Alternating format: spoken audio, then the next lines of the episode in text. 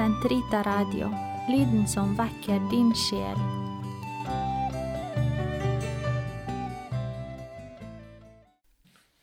Den katolske kirkes katekisme, uke 50, tirsdag 1012 til 1019. Det kristne syn på døden kommer på en særlig slående måte til uttrykk i kirkens liturgi. Dine troendes liv, Herre, skal forvandles, men ikke ta ende, og når deres jordiske tilholdssted går til grunne, står en evig bolig rede for dem i himlene. Døden er slutten på menneskets pilegrimsgang på jorden, på Guds nådes og miskunns tid, som Han gir mennesket til å leve sitt jordeliv etter Guds plan og til å bestemme sin endelige skjebne. Når vårt eneste liv er til ende, kommer vi ikke tilbake til andre liv på jorden. Det er menneskets lodd å dø en eneste gang. Hebreerne 9, 27. Det finnes ingen reinkarnasjon etter døden. Kirken oppfordrer oss til å forberede oss på vår dødsstund. Fra en brå og uventet død, fri oss, Herre, alle helgens litanie, til å be Guds mor gå i forbønn for oss i vår dødstime, Ave Maria, og til å søke tilflukt hos den hellige Josef, vernehelgen for en god død.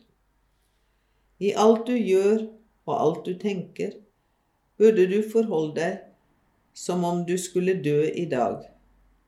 Var din samvittighet i orden, ville du ikke nære stor frykt for døden. Det er bedre å holde seg borte fra synd enn å unnfly døden. Er du ikke rede i dag, hvordan skal du kunne være det i morgen? Lovet være du, Herre, for vår søster, den legemlige død, som intet menneske kan unnfly ved dem som dør i dødssynd.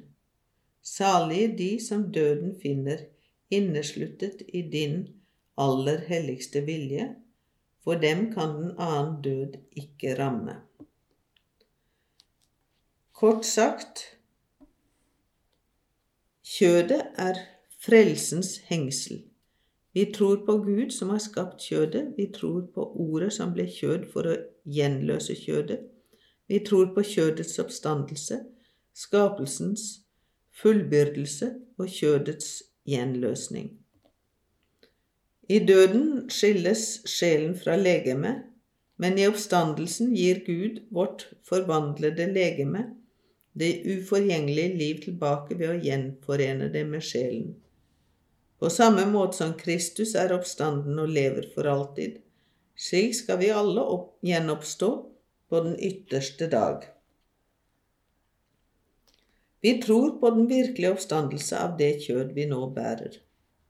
Det vi imidlertid sår i graven, er et forgjengelig legeme. Det som gjenoppstår, er et uforgjengelig legeme, et åndelig legeme. Første kor 15, 44. Som følge av den opprinnelige synd må mennesket gjennomgå den legemlige død, som det ville ha unngått om det ikke hadde syndet. Jesus, Guds sønn, led frivillig døden for oss, i full og frivillig lydighet mot Gud sin far. Ved sin død overvant han døden, og slik åpnet han for muligheten til at alle mennesker kan bli frelst.